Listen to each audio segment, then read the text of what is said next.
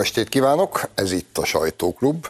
Bencsik fivérekkel és Gajdicsal, mert hogy néző kollégának valami problémája van, de e helyről is csókoltatjuk. Sziasztok! Szia! Sziasztok, Uh, uraim, kicsit hosszabb lesz a bevezetőm, de remélem megéri.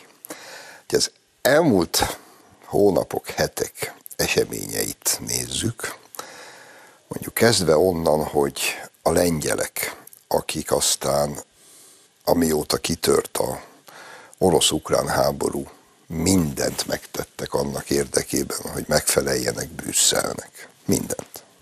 Még minket is elárultak sajnos, de majd reméljük erről az útról visszatérnek.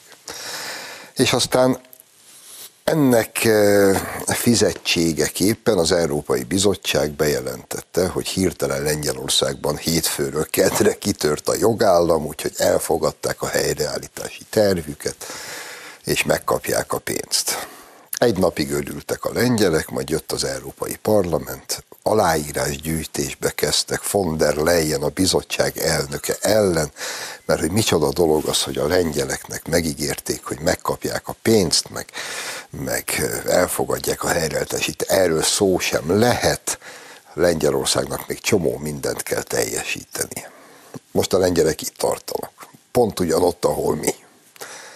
Aztán mi megállapodunk a Európai Unióval. Iszonyú hosszú küzdelmek, meg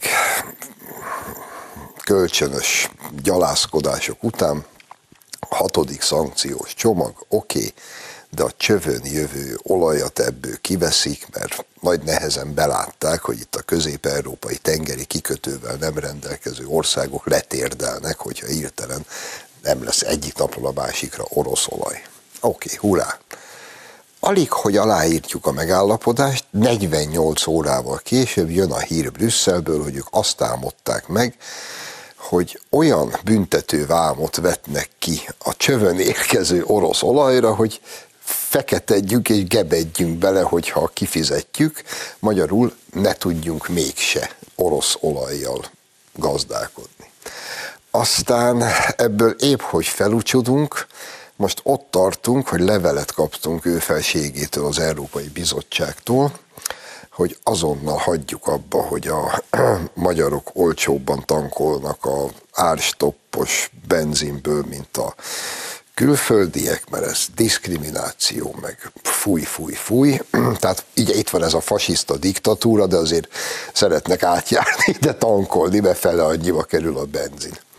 Na, ezek a, így egymás után összeraktam ezeket a mondjuk elmúlt három hét fejleményeit, és kérdezem tőletek, nincs időnként olyan érzésetek, hogy arról szól az életünk itt Közép-Európában, hogy megpróbáljuk valahogy kivédeni mindazt a cseszegetést és a mi ellehetetlenítésünkre irányuló szándékot, ami Brüsszelből jön? Nekem van. És Nekem egyébként is. meg miért? Miért van ez? Nekem is így tűnik. Egyrészt az embernek lassan-lassan azért csak fog a homályos, egyre élesebben a homályból jön elő egy gondolat, hogy nem kéne lassan kilépnünk az Európai Unióból, mert az az Európai Unió, amiben olyan félszívvel de beléptünk, azért az nem erről szólt. Tehát az a, az a országok okos együttműködéséről szólt, ez pedig arról szól ez a történet, hogy ha tetszik, ha nem leverjük, letörjük a nemzetek ellenállását, mert ebből egy földrész államot, az Európai Egyesült Államokat kell létrehozni. Csak egyetlen, tehát e, ez a véleményem, hogy ez, egy, ez most már egy szabadságharc, ami Európa ellen zajlik, egy európai elit indított háborút a saját népe ellen, mert e percben mi is még Európai Unió tagok vagyunk.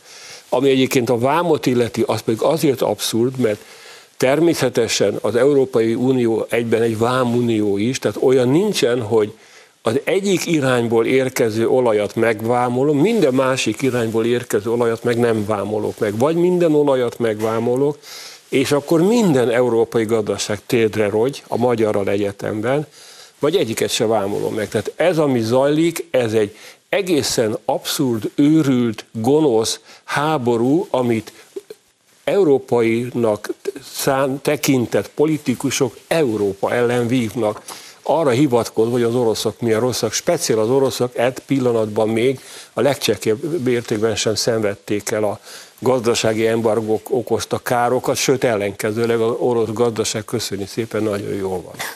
Egyre jobban. Ugye te Zsolt abba hagytad a tények sorolásánál, én folytatom azzal, hogy mi vár ránk.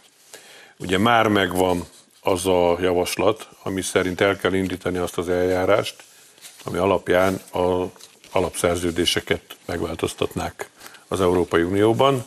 A megváltoztatás egyik fő célja, hogy elvegyék a nemzetállamoktól a vétójogot, vagyis hogy ne kelljen mindenben egyetértéssel dönteni, elég legyen az abszolút többség. Ezt pedig úgy hívják, amint már mulattunk egy jót, hogy mindig az erősebb kutya lép akcióba, és mindazok, akik más véleményen vannak, azoknak kus van. Ez pedig már nem az az Európai Unió, amire András is utalt, amibe beléptünk, és most derül ki az is, hogy az, az amit az alapító atyák kigondoltak, az mennyire hasznos, és mennyire jó dolog volt. Mert hogy kivette az európai földrész tagállamainak, vagy országainak a kezéből azt a lehetőséget, hogy egymást csesztessék és egymást elnyomják, és arra kényszerítette őket, hogy ahogy András fogalmazott, okosan együttműködjenek. Most ezt próbálják felszámolni. És valóban annak a célnak az érdekében, minek ide nemzetek, minek ide nemzetállamok, Egyébként a illegális migráció erőltetése is erről szól, hogy minél jobban összevegyítsék a különböző kultúrájú, különböző ö, felfogású, vallású ö, népcsoportokat, hogy ne jelentsen semmit az, hogy te magyar vagy, szlovák, cseh, vagy éppen francia, vagy német, hanem egy massza jöjjön létre, ami már utána bele lehet kényszeríteni az Európai Egyesült Államok hagymázas SPE-ből létrejövő valamibe, mert hogy azt országnak nem lehetne nevezni, meg úgy egyáltalán az embernek a hideg futkos hátán, amikor azt látja, hogy, hogy ezek ezt tényleg komolyan gondolják. Eddig minket mindig hülyéztek, mikor erről beszéltünk, hogy összeesküvés elméleteket szövünk, és, és nem vagyunk normálisak, hogy ilyeneket képzelünk, és most meg hallgat mindenki, aki akkor hülyézett bennünket, mert most már ő is látja, hogy valóban ez zajlik és ha nem, valamit nem találunk ki ellene, nagyon nagy baj lesz. Azt mondják, van egy ilyen mondás, hogy a megvalósult szocializmus, amit volt bal szerencsénk megélni, az az eszme diadala volt a józanész fölött.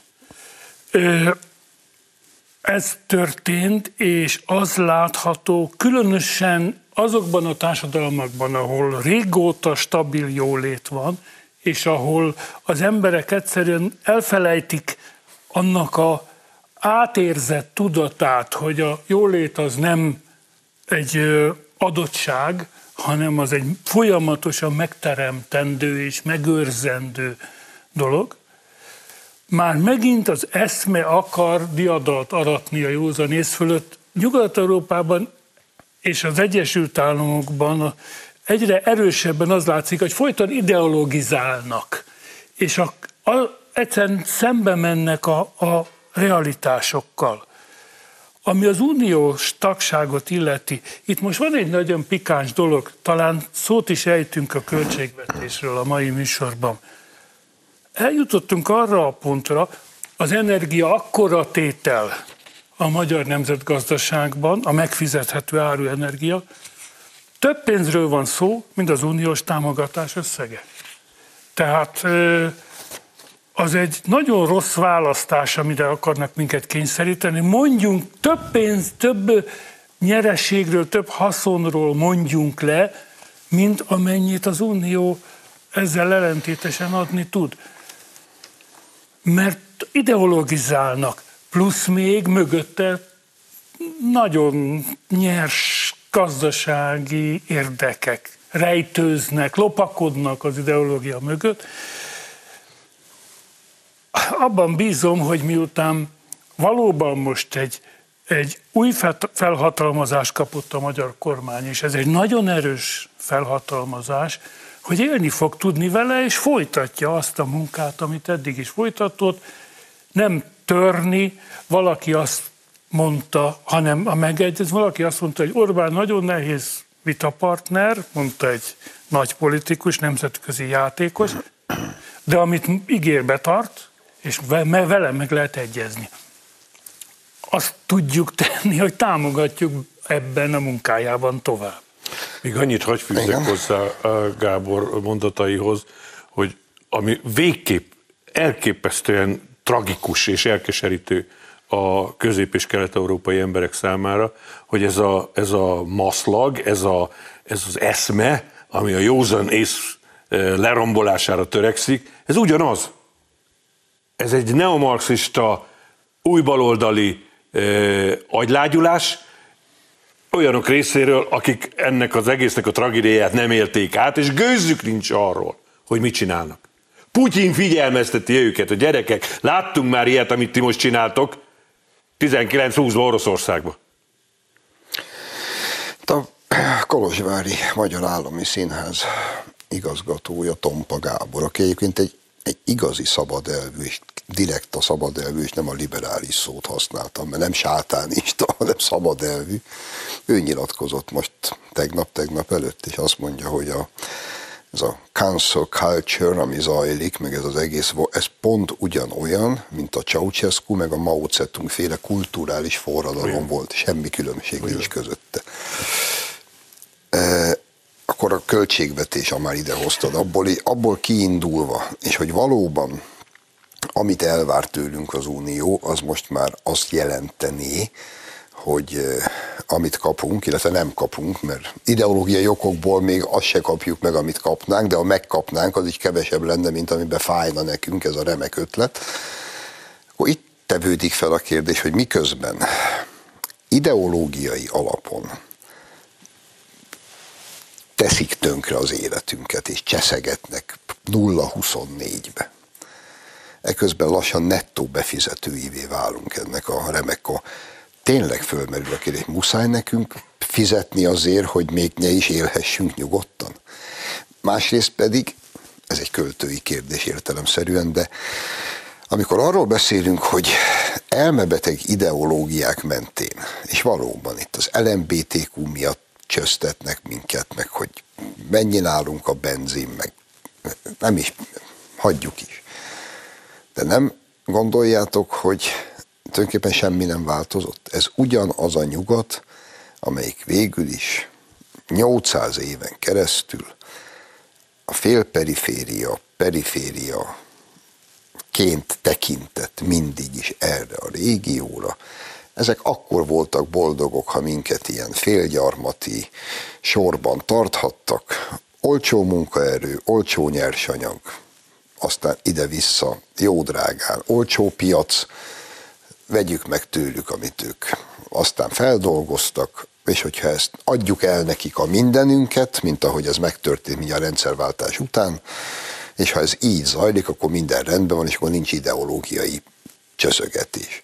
Ha itt valaki a sarkára áll, mint 12 éve a magyar miniszterelnök meg a kormány, és azt mondja, hogy létezik magyar nemzeti értek, na akkor viszont LMBTQ jogok vannak. Tehát magyarul azt akartam itten kidadogni, hogy szerintem emögött az ideológiai elmebaj mögött, ami egyébként a nyugat saját magát is tönkreteszi, de a mi nézőpontunkból ugyanaz folyik, mint folyt 600 éve, nem? Pontosan, azt mondhatjuk nyugodtan, hogy a, a nyugat ez a nyugati elit egy új Szovjetuniót hoz létre. Az unió az stimmel, hiszen Európai Unió, a szovjet az magyarul tanácsot jelent, tehát valóban egy ugyanolyan elveken alapuló kísérlet zajlik, hogy a nemzeti tudatot lecserélni egy internacionalista tudatra. Egyetlen egy baj van. Ahogy az első kísérlet is kudarcba fulladt, mert a kontraszelekció, mert csak, már bocsánat, de csak szaremberek hajlandók ezt a programot végrehajtani, akkor is ez volt a baj, hogy egyre hülyébb emberek mentek pártitkárnak, és ennek a vége az lett, hogy teljesen impotensé vált a rendszer, és meg kellett szüntetni. Ez ugyanerre van ítélve, azzal a jelentős különbséggel, hogy míg a, a Szovjetunió döntően egy orosz hegemónia volt, és a hozzácsatolt részek itt most olyan országokat akarnak rákényszeríteni az öntudatuk feladására, akik ha gazdaságilag is nem az élen járnak, de ami a kultúrát illeti, torony magasan kiemelkednek az átlagból. Görögország, Itália, addig magunkat se hagyjuk ki belőle, nem jelentéktelen ország, Spanyolország, Portugália. Az általam nem szeretett briteknek is azért elég tisztességes múltjuk van. Vagy a skandináv országok. De mindegyik elképesztően más. Hát hogy képzelik, hogy ezt össze lehet hozni egybe? Hát nem lehetséges. Nehogy már a mediterrán országok feláldozzák a maguk életvidám, napsütéses és rohadtul lazza életfelfogásokat, mondjuk a porosz felfogásra, meg hihetetlen sikeres, de másképp nem éltek volna túl azon a zord hideg vidéken. Ezt nem lehet létrehozni. Ez eleve halára van ítélve, tehát az a, ez a doktriner eh, maffia, ez a új bolsevik maffia, amelyik megpróbál minket bekényszeríteni egy új Szovjetunióba, ez a doktriner maffia eleve bukásra van ítélve, ezért az ember nem is érti, hogy miért kísérleteznek, hiszen nem győzhetnek, nem létezik, hogy ezeket a népeket rá lehet venni arra, hogy felejtsék el a két-három ezer éves múltjuk. Bocsássatok meg csak, hogy annyira idevág, még a 60-as évek végén jelent meg szerintem. Én valamikor a 70-es évek végén olvastam még gimnazistaként Eduard T. Hallnak a Rejtett Dimenziók című munkája, ami egyáltalán nem arról szólt, hogy most akkor össze lehet-e ereszteni népeket, meg Európai Egyesült, nem. Tulajdonképpen ilyen egyéni szintre lebontva értekezik például egy helyütt arról, hogy eh, milyen érdekes, minden embernek van egy personális tere. Amit ha megsértesz, ha azon belül állsz, akkor, akkor te rosszul érzed, akkor hátrálsz, mert nem akarod, hogy valaki ennyire közel legyen hozzád.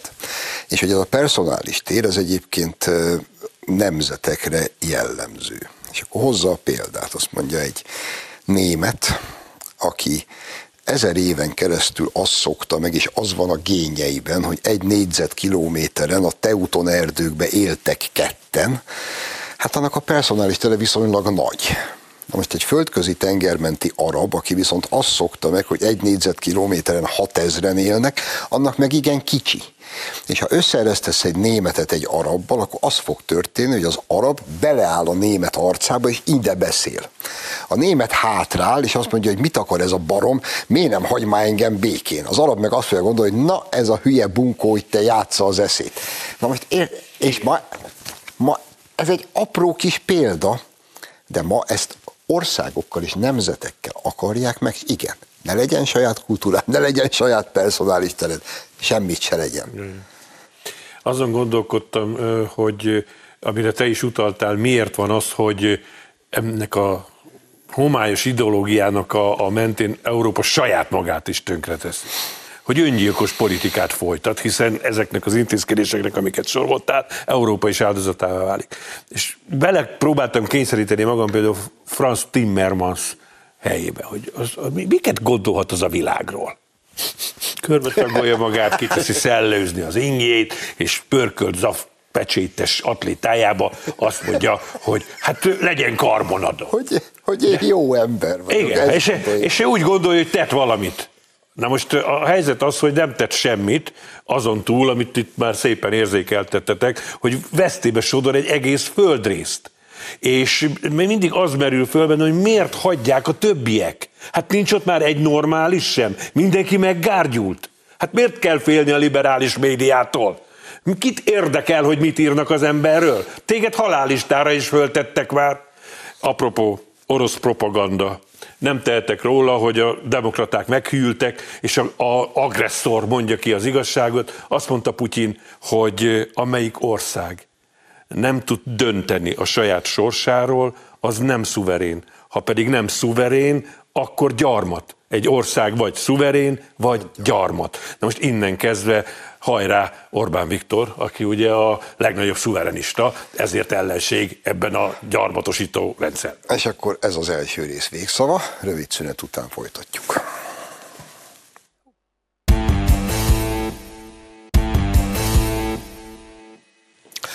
Folytatjuk a sajtóklubot, két Bencsikkel és Gajdicsal, és e, szerintem szerves folytatásaként az első résznek, és ennek az egész kultúrharcnak, ami zajlik a világban, ennek folyamányaképpen az ejtsünk egy pár szót a angol-magyar, illetve magyar-angol mérkőzésről, illetve arról a bizonyos térdelésről, meg gyerekfütyről. Ugye, hát nyilván mi másképpen láttuk. Mi azt láttuk, hogy 30-35 ezer fantasztikus magyar kisrác kiment oda, tisztelettel végighallgatta az angolok himnuszát, majd amikor jöttek tartüffék, ezek az igazi farizeus, képmutató senkiháziak letérdelni, az egészséges gyermeki lélek, aki, aki egyet érez, még ha semmit se tud, egyet érez, hogy ez hamis. Ez hamis. Ez nem igaz kifütyülték. És akkor ebből a brit sajtó, meg persze a német meg, megírta, hogy hát Magyarországon már a gyerekek is rasszisták és nácik, mi mások is lennének, ezt tanulják a szüleiktől. Na, hát akkor most kezdjük Gábornál a kört. Egy példát hoznék ide a rasszizmus dologról. Egy időben sokat foglalkoztam a cigányok történetével, és innen tudom, hogy 1990 előtt azóta kicsit fölbojdult a világ. 40 ezer cigány élt Nagy-Britanniában, ugye 60 milliós ország, és 600 ezer cigány élt Magyarországon, 10, 10 milliós ország.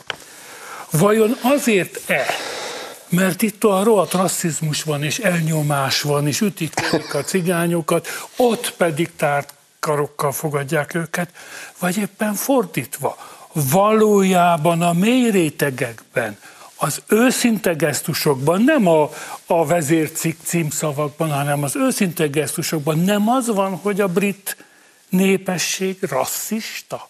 A lelke mélyén, noha tudja, hogy hogyan illik viselkedni késsel vilával, de a lelke mélyén rasszista, nálunk pedig a lelke mélyén befogadó nép él. De meggyőződésem, hogy pontosan ez történik, tehát innen nézve is teljesen hamis a dolog. Egyébként az a térdelés és fütyülés, zárójel. Hála Isten, olyan jó volt Olyan jó volt. És annyira szép volt ez a jó Isten adománya, hogy az a 30 ezer gyerek egy foci ünnepnek lehetett a részese. Ez, a világ egyik legjobb csapatát megérdemelten, 60 jó év játékkal, után, 60 év után megvertük. jó játékkal legyőztük, köszönjük szépen. De ennek előzménye volt, emlékeztek, mikor az az előzményes angol-magyar meccs volt, és az angol Lok már úgy jöttek ide, az angol csapatkapitány a meccs előtt elmondta, ők már idézőjelben tudták, hogy itt majd rasszizmus lesz, és itt majd fütyülés lesz, és ezek tulajdonképpen úgy jöttek ide, azzal az előítéletességgel jöttek ide, hogy Magyarországon rasszizmus lett. A 60 ezer ember közül kihallották azt a nyolc hülyét, aki hülyeségeket ordított, és megbüntették teljesen méltatlanul és igazságtalanul Magyarországot. Ezért szólt a fütyülés a hamis térdelésért, a hamis büntetésért, az egésznek az álságosságáért, amikor az eszme minden áron erőszakot akar tenni a valóságon, és, és zokon veszik ennek az eszmének a képviselő, amikor a valóság időnként megnyilvánul. Nem, egy mondat, nem beszélve arról, hogy ez még meg, meg tudják fejelni a szivárvány színű csapatkapitányi karszalagon hagyd kérdezem meg, mi a rosszabb köze van a focihoz, a homokosságnak, meg ennek az egész elme. Mi? Egy angol kommentőként beírta, nem lehetne, hogy csak focizzunk, és hagyjuk ezt az egész szart? Igen. Az össz, na mindegy. Hát mint ahogy egy eh, kisrác is, akit megkérdeztek, elmondta, biztos, hogy otthon hallotta, hát hiszen kisgyerek. De ezt nagyon megjegyezte, hogy a focipályára nem való a politika. Így. És ebből tökéletes, ebből összefoglalta az egészről. Amit mondani lehet, és még egy nagyon fontos dolog hangzott el a nagy nemzetközi vircsavban, mert aztán olyan nyilatkozat, háború és, és publicisztika áradat és komment ö, cunami indult be ennek a dolognak a hatására, hogy minden elhangzott, és ami még nagyon fontos, azt emeljük ki mi is, az az, hogy ők úgy jöttek ide, hogy majd nevelnek bennünket. Na hát az édesanyjukat. Anyátokat neveljétek. És, és, és, innen, és innen fakad minden. Persze. Tehát, hogyha elmegyek egy olyan helyre, ahol tudom előre, hogy az én egyébként magam számára fontos gesztus ott majd azt fogja kiváltani, hogy őrjöngenek, akkor nem csinálok ott ilyen gesztust. Azzal tisztelem meg az országot, ahova meghívtak. Focizni? hogy ott nem térdelek, mert tudom, hogy ott aztán egészen mást jelent, és úgy fogják fogadni, ahogy azt kell, ha politikai ügyet viszek a focipályára, akkor politikai módon fognak rá reagálni még a kicsik is, és fütyülnek, mint az őrült. Igen. Nem fingunk a fogadáson, kivéve, ha amerikai elnökök vagyunk ma. Hát az egyik, amit már többször, több helyt elmondtak, de nem lehet, nem szabad kihagyni, hogy ez a térdelősdi, ez egy fehér ellenes tulajdonképpen kontrarasszizmus. Ez egy kristálytiszta, rasszista, rasszista gesztus. fekete náci. Semmivel nem erkölcsösebb, mint a náci karlás. És kinek az emlékére? George Floyd. Egy bűnöző egy drogos emlékére. bűnöző emlé, akiből Tehát ikont farag. Először is ez egy rasszista gesztus. Az, hogy a homoszexuálisok jelvényét viseli, az, az pedig egy, egy szexuális propaganda, ami szintén nem való a sportpályára, de ami ennél ezerszer fontosabb ezeket az álszent angolokat a sors és a magyar labdarúgó csapat megbüntette, és az élet ajándék, hogy 30 ezer tiszta, ártatlan kisgyerek szeme láttára történt, és ezek, amíg élnek, valószínűleg emlékezni fognak erre a csodára. Tehát az angolok úgy szégyenültek meg, ahogy, ahogy ezt a nagykönyvben megvan írva, írnak és mondanak maguknak, amit akarnak, a lelkük mélyén tudniuk, hogy nem elég, hogy kikaptak, és megérdemelten kaptak ki, hanem ártatlan, tiszta gyerekek előtt szégyenültek meg, és ezek a gyerekek, ezektől a gyerekektől ezt nem lehet elvenni. Egyébként Magyarország megint feltalált valamit, amit ez a sunyi UEFA, most nem tudom, hogy hogy fog megemészteni, tehát lehet, hogy leviszik, hogy már csak három hónapos korig szabad kivinni gyerekeket a, a, a lelátóba. Kalóülő csecsemőket pójába. Maximum, mert ugyanis az történt, hogy mi azt mondtuk, hogy van itt egy kiskap, menjenek ki gyerekek. És kimentek a gyerekek. A gyerekek tudnak drukkolni.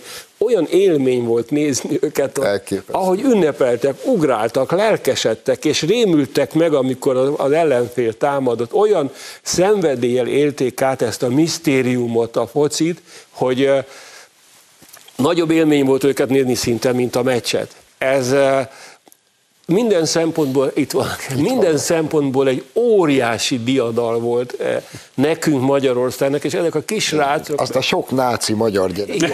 Ezek a gyerekek ezt a csodát a lelkükbe elviszik magukkal, és életük végéig emlékezni fognak rá.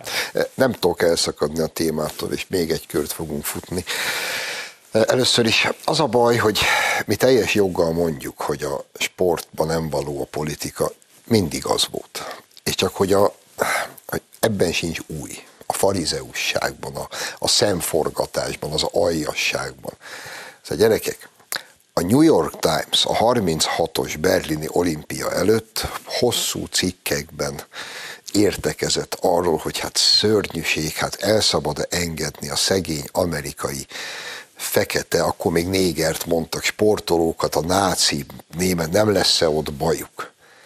Írták ezt azok 35-ben, ahol még az összes szegregációs törvény érvényben volt, és még nem járhattak be a fekák azokba az éttermekbe, ahova a fehérek, nem ülhettek a buszon Buszon. csak hátra, és közben féltették a néger sportolóikat a náci Németországba, ahol egyébként Hitler Jesse owens kezet fogott.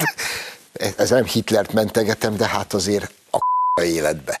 És te, és te ennyi fennakadást nem okozott Amerikába, a New York Times-ba erről értekezni. A másik meg, amit mondtál, hogy itt az angolok jöttek, hogy nevelnek mi. Aha. Uh-huh.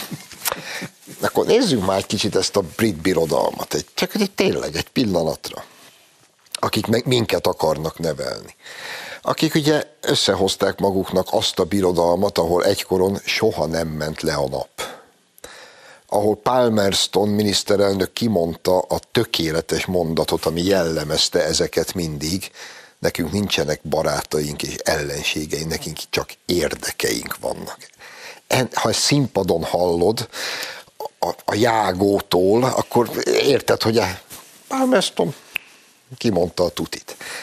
És ezek azok, akik mondjuk mikor mi 1848-ban szabadságharcot vívtunk, 48-as törvényeket hoztunk, jobbágyot szabadítottunk fel, és küzdöttünk a szabadságunkért. Ezek nagyjából két ópium háború viseltek, mert épp azzal voltak elfoglalva, hogy egyébként az általuk leigázott Indiából mégiscsak az ópiumot bevihessék Kínába, és iszonyú profittal eladhassák a nyomorult kínaiaknak, akik ópium barlangban millió, tízmillió szám szívták el az agyukat és haltak ebbe bele, hogy a brit birodalom fehér urai glasszékesztyűben gazdagon öt órakor eltartott kis hújjal tejázgathassanak és Indiába szipolylázadás leverése, olyan vérfürdőt rendeztek, amire szavak nincsenek, Kínát félgyarmattá teszik, szétágyúzták a kínai kikötőket, mikor Kína azt merte mondani, egy 5000 éves birodalom, hogy ne hozzatok már ide ópiumot. Burháború, ők találták fel a koncentrációs tábort, de hogy ne menjünk ilyen egzotikus vidékekre, Marlboro tábornok úr, akit megbíztak, hogy Dublinban a húsvéti lázadásnál tegyen rendet, és az írek, a felkelők a rommálőt postapalotából nem voltak hajlandók kijönni és megadni magukat.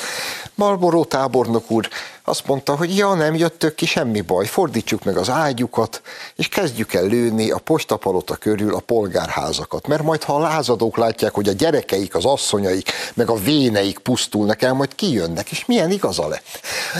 Ez, ezek az angolok, érted? És elmagyarázzák nekünk, hogy ide jönnek kicsit nevelni. Köszi. Hogy, hogy mennyire nekem egy, egy nagyon erős példa, hogy mennyire ö, mélyrétegű dolog a rasszizmus, vagy a, vagy a mástól való idegen, idegenkedés, ö, ami nem a vezércikkekből olvasható ki, hanem az emberek napi életéből. Az angol száz világ rasszista. Az osztálytársadalom és rasszista társadalom.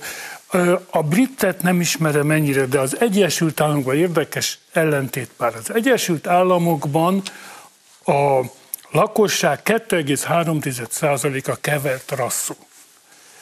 Keve, ebben nem csak a, a afro rassz van Persze, benne, hanem a ázsiai kevert rasszú. Brazíliában 48 százalék kevert rasszú adom-e a lányomat más rasszú férfihoz? Itt dől el, itt mutatkozik meg valójában, hogy egy társadalom nyitott rassz szempontból vagy zárt.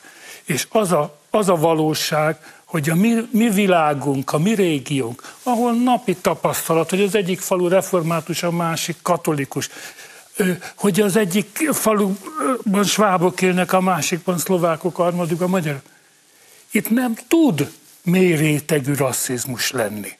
Az lehet, hogy mondanak csúnyákat egymásra a kocsmába, de valójában történelmileg egy befogadó és rassz szempontból nyitott társadalomban élünk, miközben ők, a neofiták, ebből a szempontból neofiták, akarnak minket edukálni rasszizmusból. Mélységesen farizeus és hamis helyzet ez. Úgy egyébként pedig ez sem szól másról, mint arról a szuverenitás vitáról, amiről már az előző körben beszélgettünk. Azért kell ráfogni Magyarországra és minden uh, szuverenista módon gondolkodó nemzetre, államra azt, hogy rasszista, mert ezzel igazolva látják annak a törekvésnek a létjogosultságát, amivel föl akarják számolni ezeket a nemzetállamokat. Tehát, hogyha ha nincs bűn, ami eredendő ezekben a nemzetekben, akkor nehezebb őket eltenni lábalól, eltírítani őket a földszínéről. Ha van ilyen bűn, ha rájuk lehet kenni, ha rájuk lehet fogni, akkor jogosnak érzik a neokommunisták, neomarxisták az ő maguk Európai Egyesült Államok felé törekvő megmozdulásaikat. És még tudományt is alkottak a, erre, emlékeztek rá, van ez a, ilyen, ilyen tudós is van Magyarországon, hogy antiszemitizmus és anticiganizmus kutató, akinek a szájából kifért az a mondat, hogy aki önmagát saját identitását nemzeti alapon határozza meg, az, az potenciális tömeggyilkos. Igen. Mondván, hogy az összes nagy 20. századi kataklizma abból fakadt, hogy a népek egymásnak estek. De már ez a kiinduló pont is hamis. Ugyanis a népeket egymás ellen a nagy birodalmi törekvések vezényelték, mint amilyen most az Európai Egyesült Államok iránt megindult dolog. Lásd, amit mondtál a lengyel-magyar viszonyra. Annyit még én is hadd tegyek hozzá, hogy legyen valami pozitív kicsengés ennek a beszélgetésnek, hogy 30 ezer ártatlan, tiszta gyerek szeme láttára edukálta a magyar válogatott, az angol válogatott, és elmehetnek a jó édes anyunkba. Pont, így van. De hogy legyen még valami pozitív kicsengés ennek a beszélgetésnek, maradt négy percünk, és azért vitassuk meg, hogy Jakab Péter mondott a jobbik elnöki pozícióra. Én itt ezt a kis lakonikus, rövid mondat leteszem a pontot, és tiétek a szó, Andriskám.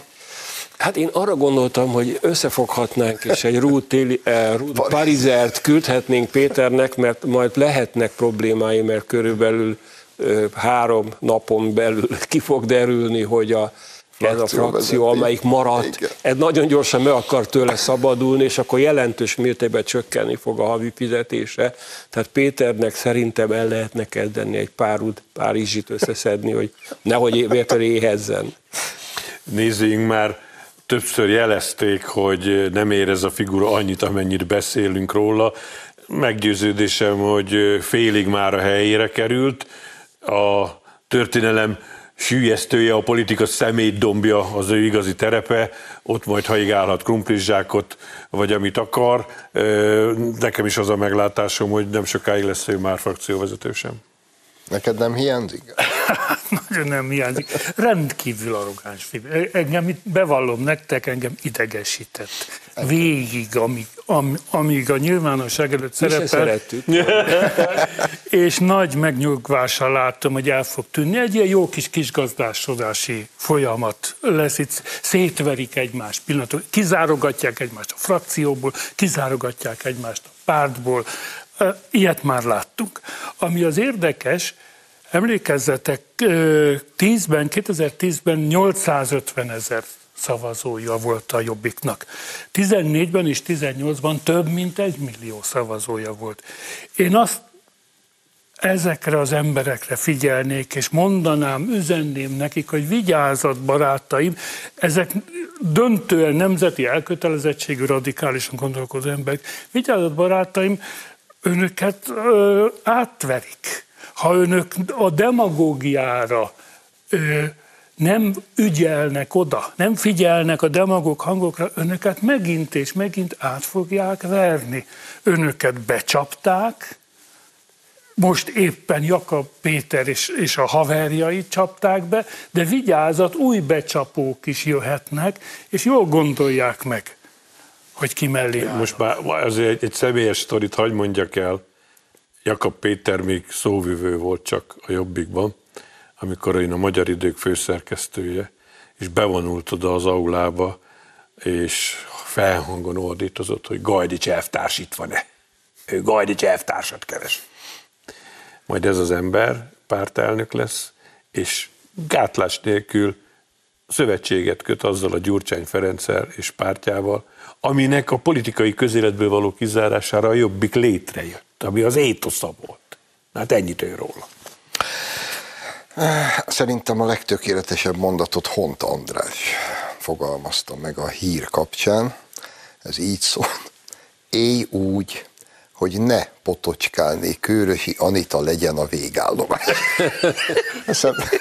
valóban ennél szebben nehéz lett volna összefoglalni Jakab Péter egész politikai pályafutását, most egyébként meg teljesen mindegy, hogy vele mi lesz, mert az igazi kérdés az ezek után az, hogy mi lesz a párttal. Ami, ahogy Gábor mondta, mégiscsak egy több mint egy millió szavazóbázissal rendelkező közép párt volt a magyar politikai palettán. Hát, hogy most egyáltalán megmaradnak, és ha igen, hogyan, na Erről biztos fogunk még a következő hetekben beszélni. Drága uraim, köszönöm szépen a részvételt. Önöknek köszönjük a megtisztelő figyelmet. Jövő héten a szokott időben várjuk Önöket. Minden jót, viszontlátásra!